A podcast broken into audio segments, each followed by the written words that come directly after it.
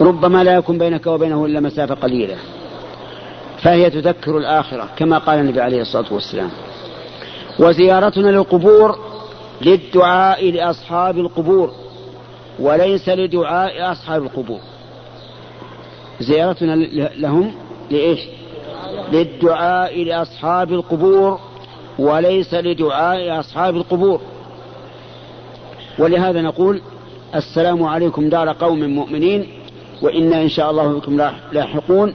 يرحم الله المستقيمين منكم والمستأخرين. نسأل الله لنا ولكم العافية. هم محتاجين للعافية. هم محتاجون للعافية. محتاجون للمغفرة. ولهذا كان النبي عليه الصلاة والسلام إذا فرغ من دفن الميت وقف عليه. وقال استغفروا لأخيكم واسألوا له التثبيت فإنه الآن يسأل. الله أكبر. من حين ما يتم دفن الميت قد سلم الآن للآخرة. انتهى من الدنيا نهائيا كأن لم يكن موجودا في الدنيا. فكما أن الإنسان أتى عليه شيء من الدهر هل أتى حين من الدهر لم يكن شيئا مذكورا؟ هو الآن خلاص لم يكن شيئا موجودا. أصبح خبرا من الأخبار. انتهى. على عمله. ختم على العمل. إذا مات الإنسان انقطع عمله إلا من ثلاث صدقة جارية أو علم ينتفع به أو, أو ولد صالح يدعو له. طيب إذا نحن ندعو لهم. تقف عند القبر إذا تم الدفن تقول اللهم اغفر له اللهم اغفر له اللهم اغفر له. واخترنا الثلاث لأن النبي صلى الله عليه وسلم كان إذا دعا دعا ثلاثا.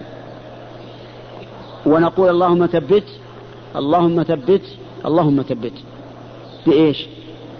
بالقول الثابت. لأن الإنسان من حين ما ينتهي تسليمه يأتيه ملكان يسألانه عن ربه ودينه ونبيه. أسأل الله أن يثبتني وإياكم بالقول الثابت في الحياة الدنيا وفي الآخرة.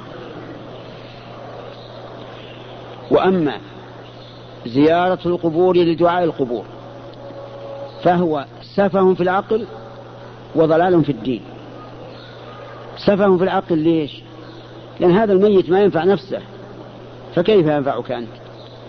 كيف تأتي إلى جثة هامدة ربما تكون الأرض أكلتها إلا ما شاء الله ثم تدعوها؟ وهل يمكن لهذا الميت أن ينقذك من شيء؟ أجب يا أخي. لا والله أبدا. هو نفسه محتاج للدعاء. كيف تدعوه؟ هذا سفه. أظن الإنسان لو جاء إلى شخص حي لكنه أشل وقال يا فلان أدعوك أن تحمل متاعي معي إلى السيارة وتحمل معي. ماذا يعد الناس هذا؟ عاقلا أم سفيها؟ أين جواب الحي يا جماعة؟ أحيونا بجوابكم. عاقل ولا, ولا سفيه؟ رجل جاء إلى شخص أشل ما يتحرك. مشلول. مشلول معاق اللي تبون. فقال يا فلان أعني احمل معي متاعي إلى إلى السيارة أبي أحمله. إيش يقولون هذا الرجل؟ سفيه ولا عاقل؟ سفيه. الميت أبلغ من هذا.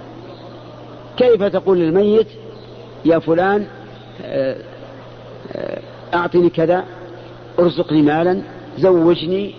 سبحان الله. امرأتي ما تحمل خلت تحمل. سفه سفه جدا في العقل. ضلال في الدين. لماذا؟ لأن الله تعالى يقول ومن أضل استمع للاستفهام. من أضل هذا الاستفهام بمعنى النفي. من أضل ممن يدعو من دون الله من من لا يستجيب له إلى يوم القيامة. لو بقيت تدعو هذا إلى يوم القيامة ما استجاب لك. إن تدعوهم لا يسمعوا دعاءكم ولو سمعوا ما استجابوا لكم. ويوم القيامة يكفرون بشرككم. هنا يقول ومن أضل ممن يدعو من دون الله من لا يستجيب له إلى يوم القيامة وهم عن دعائهم غافلون. لا يفهمون ولا يسمعون. وبعد ذلك وإذا حشر الناس إيش؟ كانوا لهم أعداء وكانوا بعبادتهم كافرين.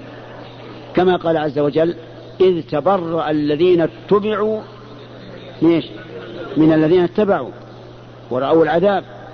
وتقطعت بهم الأسباب. وقال لن يتبعوا لو أن لنا كرة يعني ليت لنا كرة فنتبرأ منكم كما كنا بالأول نواليكم نتبرأ منكم فنتبرأ منهم كما تبرأوا منا قال الله عز وجل كذلك يريهم الله أعمالهم حسرات عليهم وما هم بخارجين من النار. أجارنا الله وإياكم من ذلك. إذا يا أخي أهل, أهل القبور لا ينفعونك. ولا يحل لك أن تدعو لهم. حتى لو أتيت لرسول الله صلى الله عليه وسلم الشافع المشفع الشفيع للأمة لو أتيت إليه الآن وقلت يا رسول الله اشفع لي فهو حرام عليك. لا يملك هذا. إن النبي صلى الله عليه وسلم لا يملك الشفاعة إلا بإذن من؟ بإذن الله. من ذا الذي يشفع عنده إلا بإذن الله. إن الناس يوم القيامة يصيبهم من الغم والكرب ما لا يطيقون. الم... الزمن كم؟ خمسين ألف سنة. الوقت صيف ولا شتاء؟ حار. الشمس تدنو بمقدار ميل. العرق يبلغ من الإنسان بحسب عمله. منهم من يبلغ العرق إلى كعبيه وإلى ركبتيه وإلى حقويه ومنهم من يلجمه العرق. كرب عظيم ما يمكن أن تتصوره. فيقول الناس بعضهم ببعض اطلبوا من يشفع لنا. يأتون إلى آدم يعتذر. إلى نوح يعتذر. إلى إبراهيم يعتذر. إلى موسى يعتذر. إلى عيسى. عيسى لا يقدم عذرا لكنه يحيل على من هو أفضل منه. يقول ائت محمدا عبدا غفر الله له ما تقدم من ذنبه وما تأخر. فهل رسول الله جعله الله لنا ولكم شفيعا؟ هل رسول الله يقوم يشفع على طول؟ لا. يسجد تحت العرش ويفتح الله عليه من المحامد ما لا يفتح ما لم يكن فتحه عليه من قبل ويسجد سجودا طويلا حتى يؤذن له ويقال له ارفع رأسك وقل يسمع واشفع تشفع هذا هو الرسول عليه الصلاة والسلام. ما يستطيع أن يشفع إلا بإذن الله. أبدا. إذا يا إخواني لا يجوز أبدا أن نسأل من أي ميت كان شيئا من حاجاتنا. نسأل من؟ نسأل الله. قال النبي صلى الله عليه وسلم لعبد الله بن عباس إذا سألت فاسأل الله. إذا استعنت فاستعن بالله. اسأل الله يا أخي. ليس بينك وبين الله واسطة. والرب عز وجل فتح بابه. يقول لك ادعوني أستجب لكم. أتريد كرما أكثر من هذا؟ هو نفسه عز وجل يفتح الباب. ادعوني أستجب لكم. ويقول لنبيه وإذا سألك عبادي عني فإني قريب أجيب دعوة الداعي إلى دعان. نسأل الله يجيبنا وإياكم. اذا ليش تسأل مخلوق مثلك؟ ومخلوق لا يمكن أن ينفعك ولا بشربة ماء. اذا دعاء الأموات إيش؟ سفه في العقل إيش؟ وضلال في الدين. وضلال في الدين. ولكن لو قال قائل إنه ذهب إلى قبر السيد الفلاني أو الولي الفلاني ودعاه وأج... لنقل إنه مريض. فذهب إلى صاحب القبر وقال يا سيدي يا ولي الله يا كذا يا كذا إنه مريض فاشفه فشفي. إيش المعنى؟ نقول نحن نشهد أن هذا لم يشفك. ونحلف على هذا أنه لم يشفك لأن ربنا يقول عز وجل إن تدعوهم عجيب يا جماعة اقرأوا الآية. إن تدعوهم لا يسمعوا دعاءكم ولو سمعوا ما استجابوا لكم ويوم القيامة يكفرون بشرككم ولا ينبئك مثل خبير. هل أحد أخبر من الله؟ لا. لا ينبئك مثل خبير يعني مثل الله عز وجل.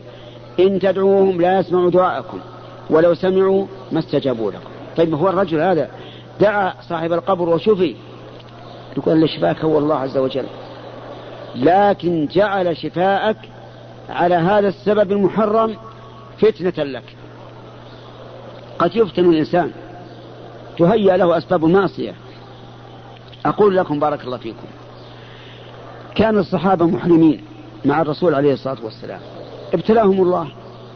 المحرم هل يجوز أن يصيد الصيد؟ لا إله إلا الله. صيد مباح يا جماعة. رأى أرنبا رأى غزالا وهو محرم. أيجوز أن يصيدها مي بحلال. الصي... الأص... آه الغزال حلال ولا حرام؟ الأرنب. طيب. المحرم لا يجوز أن يصيد هذا الصيد. ابتلاهم الله عز وجل. ابتلى الصحابة. بعث الله عز وجل الصيد. فقال تعالى يا أيها الذين آمنوا ليبلونكم الله بشيء من الصيد تناله أيديكم تمسكوا مسك ورماحكم الرمح. الطائر بالرمح وعادة لا يكون إلا بالسهم. الزاحف يكون بالرمح والآن يؤخذ بإيش؟ باليد. تسهيل ولا تسهيل؟ تسهيل لكن اختبار. سهلت لهم المعصية لينظر عز وجل. أيخافون الله أم لا؟ ليبلونكم الله بشيء من الصيد. تناله أيديكم ورماحكم. أتم. ليعلم الله من يخافه بالغيب. هذه الأمة والحمد لله أمة مؤمنة موقنة. اليهود حرم الله عليهم صيد الحوت يوم السبت. قال لا تصيد الحوت يوم السبت. فابتلاهم الله. فصارت الحيتان يوم السبت تأتي شرعا على وجه الماء.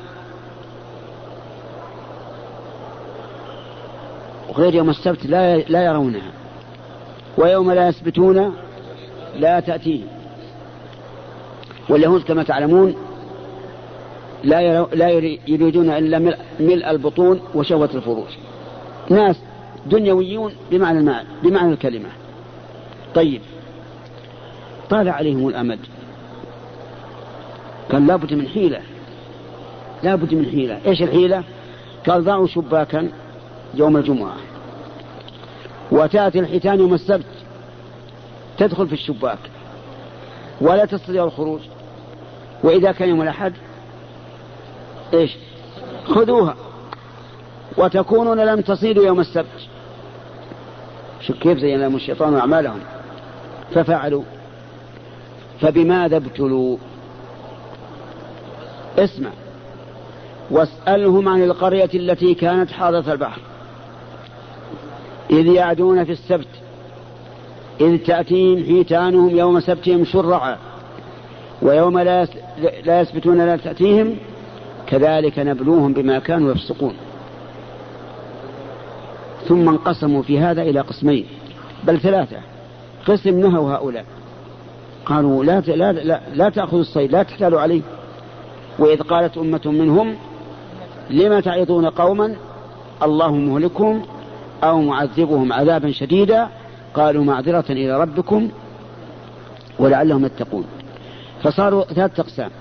قسم تحيلوا وقسم سكتوا ما أنكروا. وقسم أنكروا بل الذين سكتوا ولم ينكروا أنكروا على ما أنكر. وقالوا لهم لم تعظون قوما؟ الله مهلكم هذا ولا هلكوا ولا ولا حاجة تعظونهم. أجابوا معذرة إلى ربكم ولعلهم يتقون. لا تيأس ربما يتقي. فماذا فماذا فعل الله بهم؟ استمع إلى قوله في سورة البقرة ولقد علمتم الذين اعتدوا منكم في السبت. إيش؟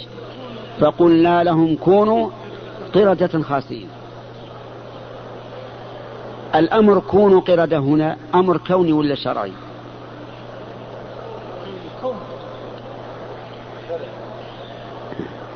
أنت مأمور أن تكون قرد؟ هل يمكن أن يأمرك الله أن تكون قردا؟ أنت منهي عن تشبه بالقرود الأمر كونوا قردة أمر كوني ولا ولا شرعي؟ أمر كوني. فكانوا قردة خاسئين. قردة ذليلة ما تعدو على أحد.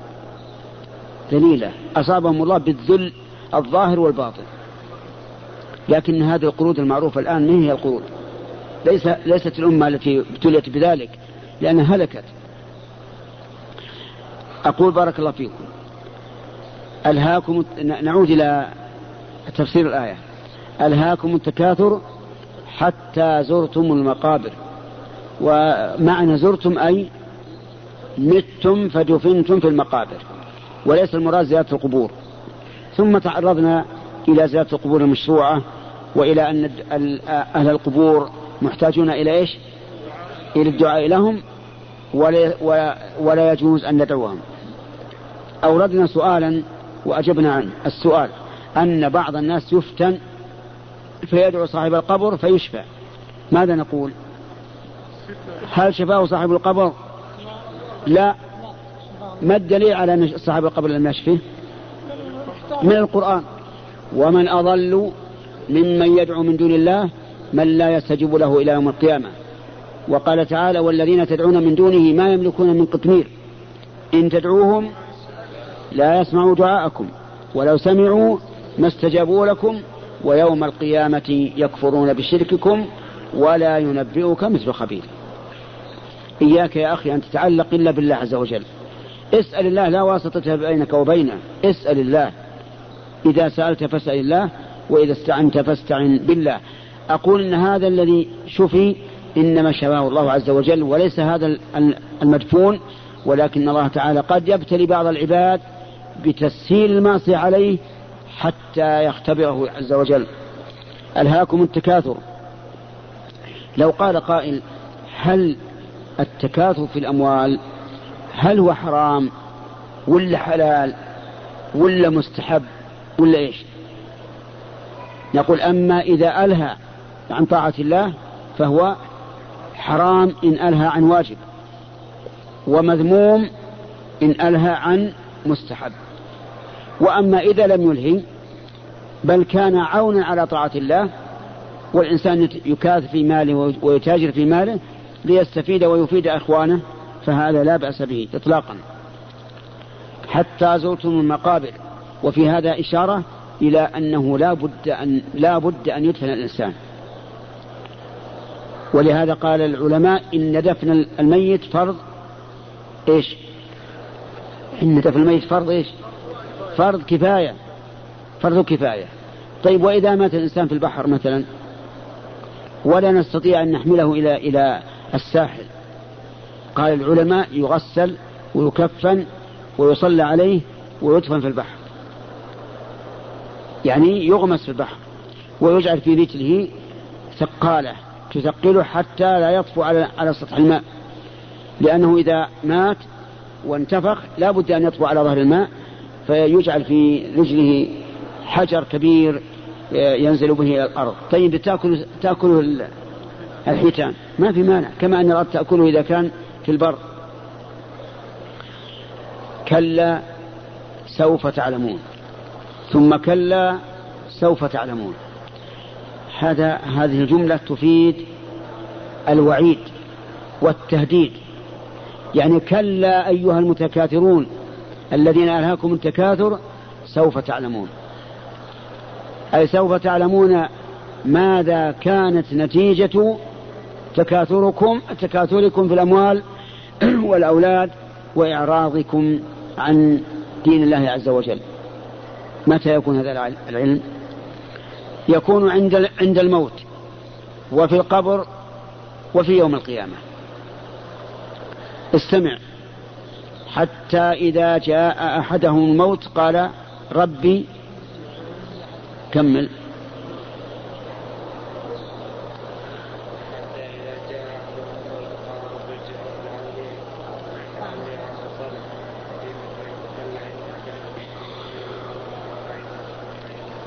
أحسنت. بارك الله فيك. إذا جاءه الأجل قال رب ارجعون. إلى إلى أين؟ إلى الدنيا. ولكن هل يقول ارجعون إلى الدنيا لأعمر القصور وأتزوج النساء وأركب السيارات الفخمة وتخدمني الأحرار أم ماذا؟ لعلي أعمل صالحا فيما تركت. في المال الذي تركته لعلي أعمل صالحا فيه. فيقول الله عز وجل كلا إنها كلمة هو قائلها. كلا يعني لن تعود. إذا جاء أجلهم فلا يستأخرون ساعة ولا يستخدمون. كلا. ثم أكد أن هذه الكلمة لا بد أن تقال فقال إنها كلمة هو قائلها ومن ورائهم برزخ أي حاجز إلى يوم يبعثون. ما هذا البرزخ؟ لا ما بين الحياتين حياة الدنيا وحياة الآخرة.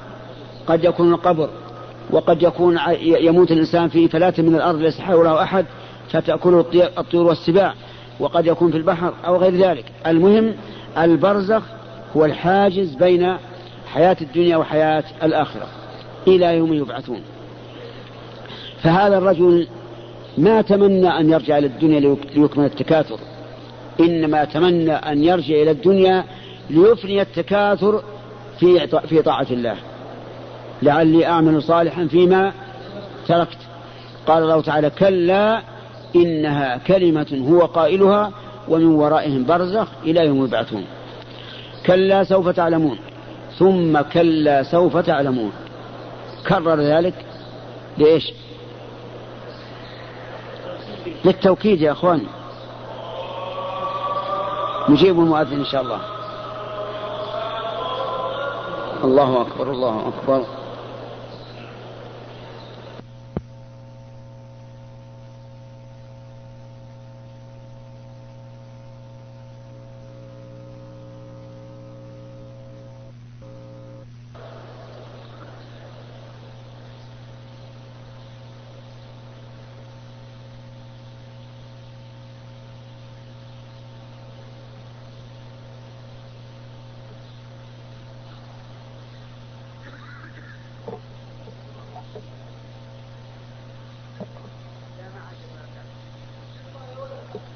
عبد العزيز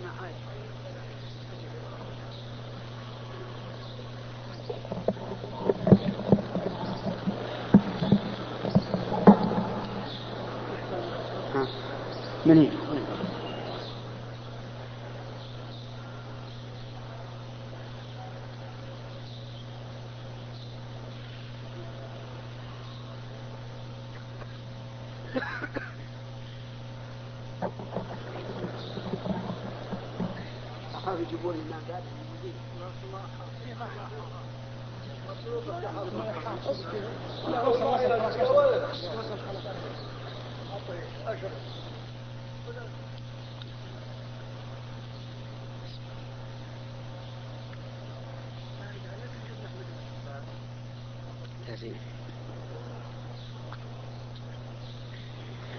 الحمد لله.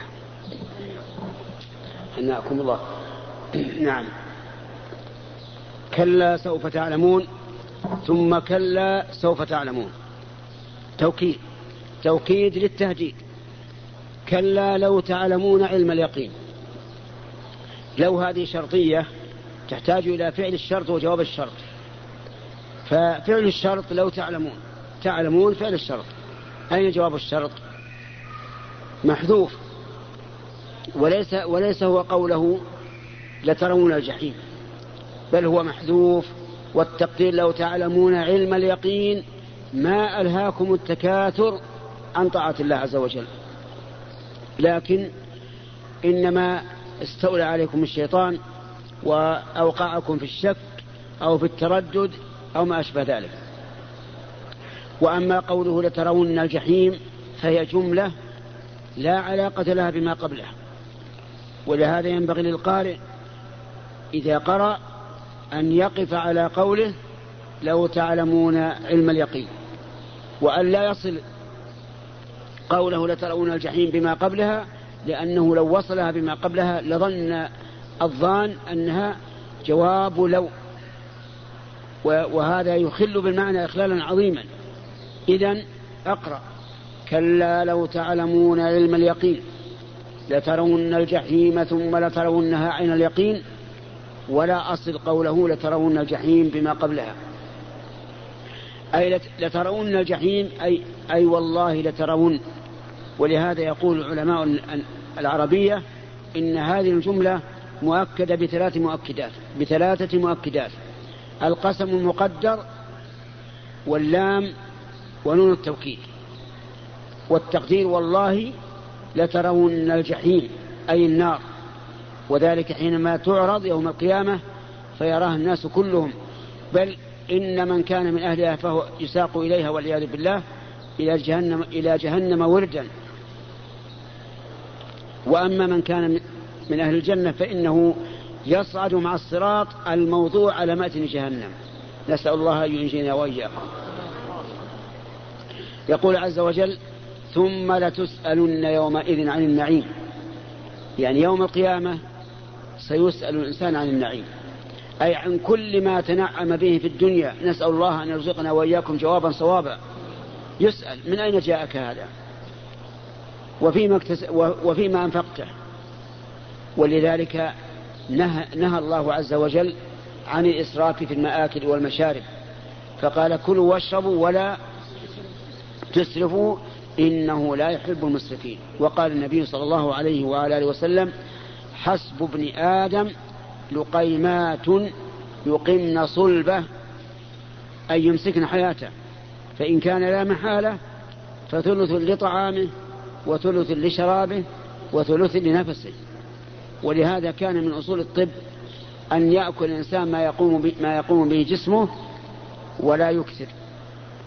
ثم إذا جاء بعد ذلك يأكل. يعني مو لازم ما نأكل ثلاث مرات. نأكل قليلا ثم إذا جعنا أكلنا وهلم جرا. ثم لتسألن يومئذ عن النعيم. وإلى هنا ينتهي ما أراد الله عز وجل أن نتكلم, أن نتكلم به على هذه السورة ولها معاني أكثر مما ذكرنا والله عز وجل لا نحيط به علما. نعم. إلى الأسئلة الآن.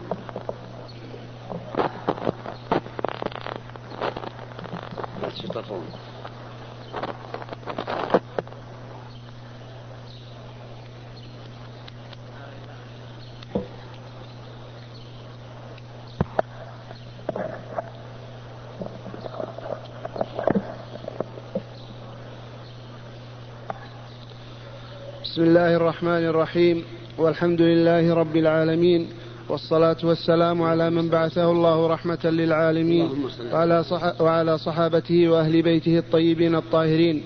فضيلة الشيخ نيابة عن أهل طيبة وعن طلاب العلم فيها نحييكم ونرحب بكم.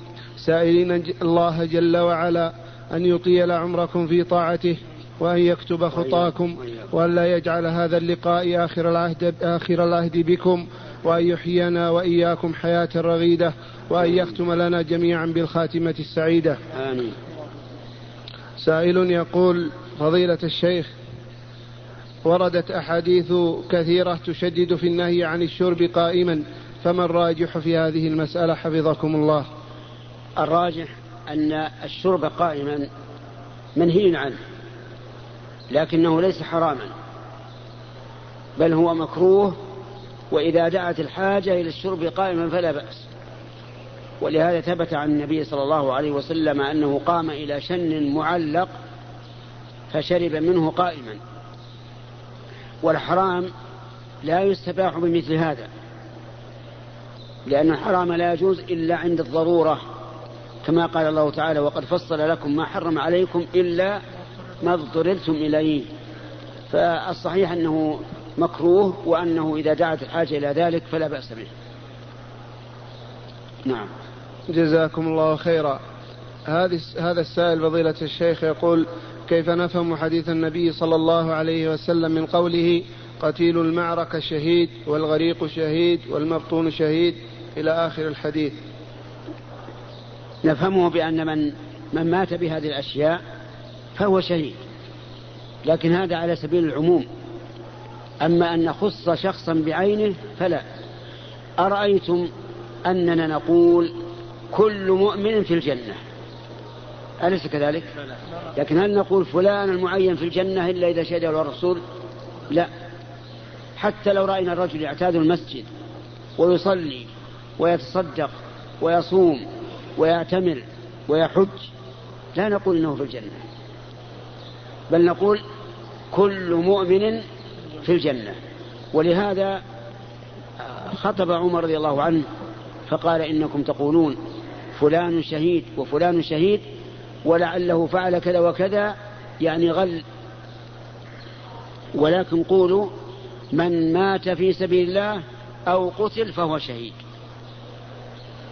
والشهادة بالعموم غير الشهادة بالخصوص. نعم. جزاكم الله خيرا.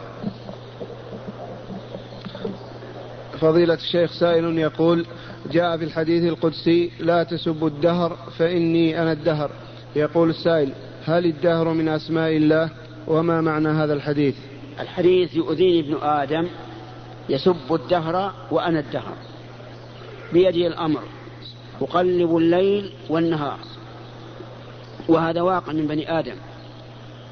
إذا حصل عليهم شدة أو ضيق جعلوا يسبون الدهر. هذه سنة فيها كذا وهذه سنة فيها كذا أو ربما والعياذ بالله يشتمون السنة. لعن الله هذه السنة ما رأينا خير ولا رأينا مطر ولا رأينا آه، ربيعا وما أشبه ذلك. هذا إيذاء لله. يؤذيه ابن آدم. وعند هذه النقطة نسأل هل الله يتأذى بمعصية الإنسان؟ إن قلنا نعم صار إشكال. وكيف يصح أن نقول نعم؟ والله عز وجل يقول في الحديث القدسي يا عبادي إنكم لن تبلغوا ضري فتضروني.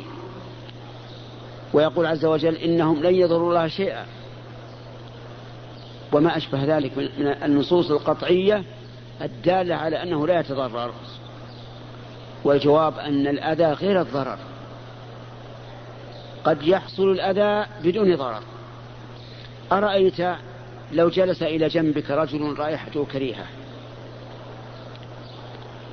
تتأذى أو لا؟ تتأذى. هل تتضرر؟ لا. فلا يلزم من الأذية الضرر. قال الله تعالى إن الذين يؤذون الله ورسوله لعنهم الله في الدنيا والآخرة فأثبت الأذية لكن الضرر شيء والأذية شيء آخر. في الحديث القدسي يؤذيني ابن آدم يسب الدهر وأنا الدهر بيد الأمر. يعني يقول إن ما يحصل بالدهر فهو بيدي أنا وليس الله هو الدهر لأننا كلنا نعلم أن الدهر ليل وإيش؟ ونهار. فهل الله هو الليل والنهار؟ أبدا. لكن المعنى أنا المدبر للدهر. ولهذا قال بيدي الأمر أقلب الليل والنهار. والحديث لا يدل على أن أن الدهر من أسماء الله. ثم إن القاعدة في أسماء الله. ذكر الله عز وجل في قوله ولله الأسماء الحسنى. الحسنى. يعني التي بلغت أكمل أكمل الحسن وأتمه وأبلغه. الدهر ليس فيه معنى من المعاني حتى يقال إنه حسن. الدهر اسم جامد غير مشتق. وأسماء الله كلها مشتقة وتدل على معاني عظيمة. فليس الدهر من أسماء الله وإنما معنى قوله تبارك وتعالى في هذا الحديث القدسي أنا الدهر يعني أن الدهر بيدي بعد الصلاة إن شاء الله قليلا.